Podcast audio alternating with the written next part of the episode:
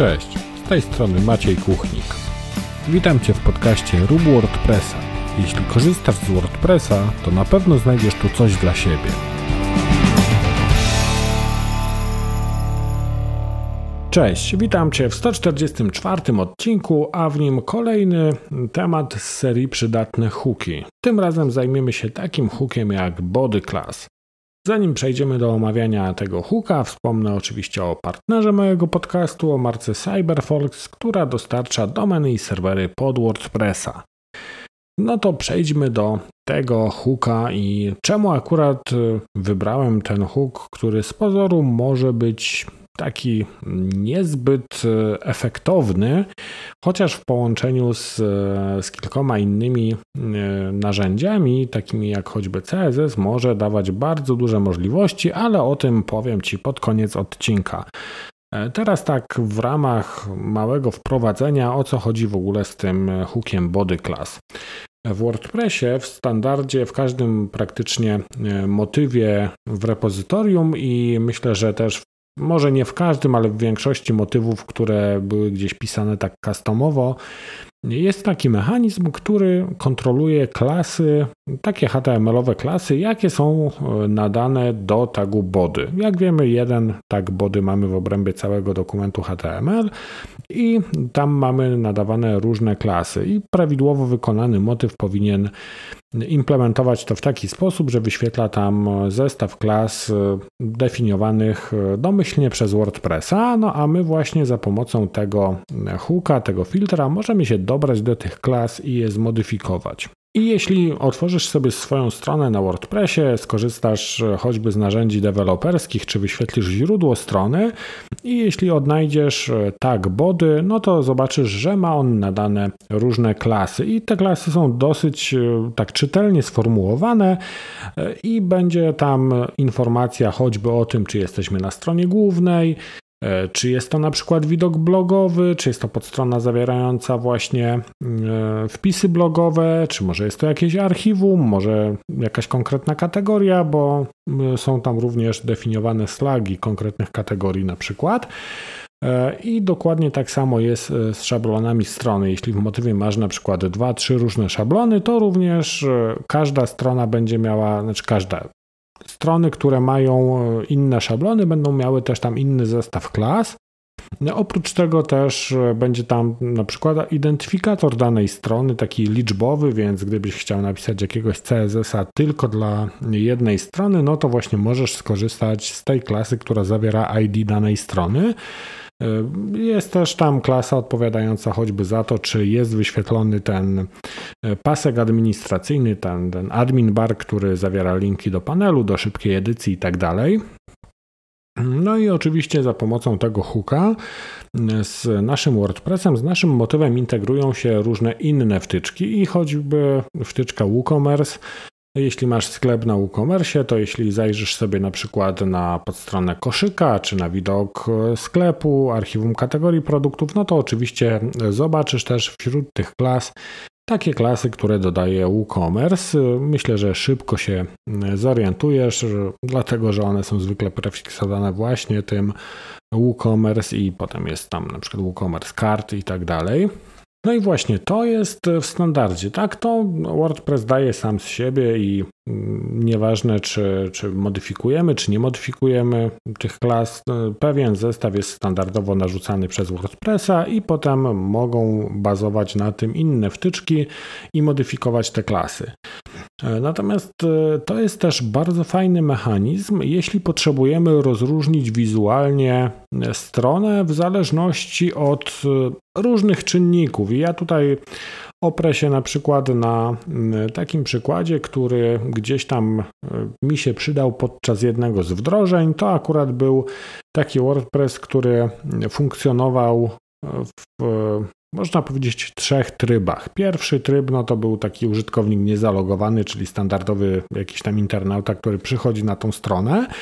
E, drugi typ klienta to był klient, który jest zalogowany, ponieważ tam klienci mogli się logować do, e, na tej stronie, mieli swój panel, był tam też e, sklep na WooCommerce i to już był drugi typ klienta, a trzeci typ klienta to był klient zalogowany, który miał wykupione aktywne konto. Tam była można powiedzieć, pewna usługa sprzedawana i kupowało się na określoną ilość czasu. No i w tym momencie mamy tutaj trzy różne stany tak naprawdę i chodziło o to, żeby jakoś zwizualizować e, poszczególne elementy w panelu, że jeśli mamy aktywne konto, to jest tam inny kolor pewnych elementów, jeśli mamy nieaktywne konto, no to jest jeszcze inny kolor, a jeśli klient jest niezalogowany, no to pewne elementy e, miały wyglądać inaczej. No i tu oczywiście można by to jakoś tam ifami sobie obwarować już bezpośrednio w tych konkretnych widokach. Natomiast byłoby to trochę bardziej skomplikowane i trochę więcej e, by tam zamieszania wprowadziło w kodzie. I tutaj właśnie zastosowałem coś takiego jak filtr body class. W tym filtrze e, filtrujemy tak naprawdę tablicę zawierającą nazwy klas, które będą narzucone na, na ten tag body. I mogłem tutaj przy użyciu odpowiednich, ifów połączonych z tak zwanymi conditional tags, czyli z tymi funkcjami, które informują nas choćby o tym właśnie, czy użytkownik jest zalogowany, czy nie, mogłem tutaj decydować o tym, że na przykład chcę dodać mm, klasę Active User do, do tego mm, tagu body i potem już można powiedzieć, jeśli miałem to rozdzielone według tych klas, czyli dla każdego użytkownika, dla każdego typu, czyli zalogowany, niezalogowany i zalogowany z aktywnym kontem, miałem trzy różne klasy. E, I wtedy już całą resztę mogłem sobie elegancko ostylować w CSS-ie, no bo miałem na tym głównym tagu, na tagu body odpowiednią klasę i według tej klasy mogłem budować sobie selektory, które e, definiowały mi widoki i wygląd konkretnych elementów. No i to się świetnie sprawdziło, bo nie dotykałem tutaj w żaden sposób HTML-a, który był generowany e, bezpośrednio już przez motyw, czy jeszcze tam przez inne wtyczki, jak choćby przez WooCommerce'a, a miałem pełną kontrolę nad wyglądem tych elementów, które potrzebowałem zmienić właśnie na bazie tych klas.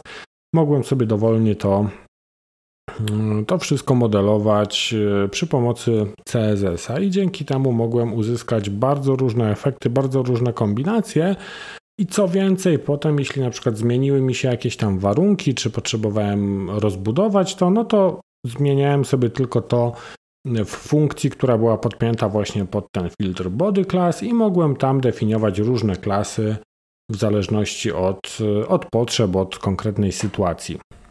Więc jeśli masz taką sytuację, że chcesz zdefiniować e, wygląd strony w zależności od jakichś czynników, powiedzmy takich e, backendowych, czyli na przykład aktywność konta, czy jakieś tam inne e, parametry typu na przykład poziom danego użytkownika, jeśli mielibyśmy jakieś role użytkowników, czy jakieś inne rzeczy, choćby tak na szybko przykład, który przychodzi mi do głowy, no to jeśli mamy na przykład jakiś wpis sponsorowany, czy, czy jakiś e, wpis, który chcemy w szczególny sposób oznaczyć na blogu, no to możemy sobie zrobić taki mechanizm oparty choćby o pole postmeta, o custom fieldy e, i zrobić po prostu kawałek kodu, który doda nam klasę na przykład załóżmy specjalny post do, do tagu body, jeśli dany, y, dany wpis będzie zawierał jakąś określoną wartość danego custom fielda. Oczywiście tutaj można się posłużyć taką wtyczką jak choćby ACF, zrobić to w formie checkboxa.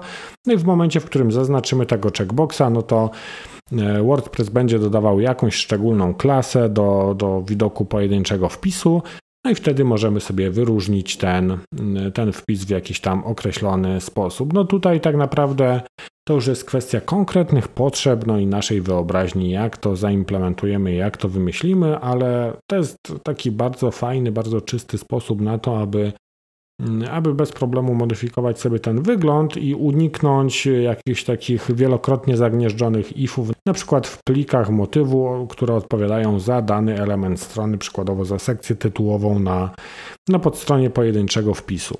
A CSS daje nam tak naprawdę potężne możliwości w dzisiejszych czasach. Jeszcze tam powiedzmy kilka czy kilkanaście lat temu, no to to ten CSS był bardzo ograniczony w stosunku do tego, co dzisiaj możemy w nim robić, łącznie z jakimiś animacjami czy, e, czy innymi e, historiami, więc tutaj tylko znajomość CSS-a i nasza wyobraźnia nas ogranicza w tym, jak to wykorzystamy. Natomiast polecam się przyjrzeć temu hookowi, temu filtrowi body class, bo daje on naprawdę potężne możliwości, jeśli go wykorzystamy w kreatywny sposób i przede wszystkim nie musimy ingerować w tą strukturę HTML-ową, a jedynie za pomocą e, klasy nadawanej na tag body możemy sobie sterować właśnie wyglądem poszczególnych elementów na naszej stronie.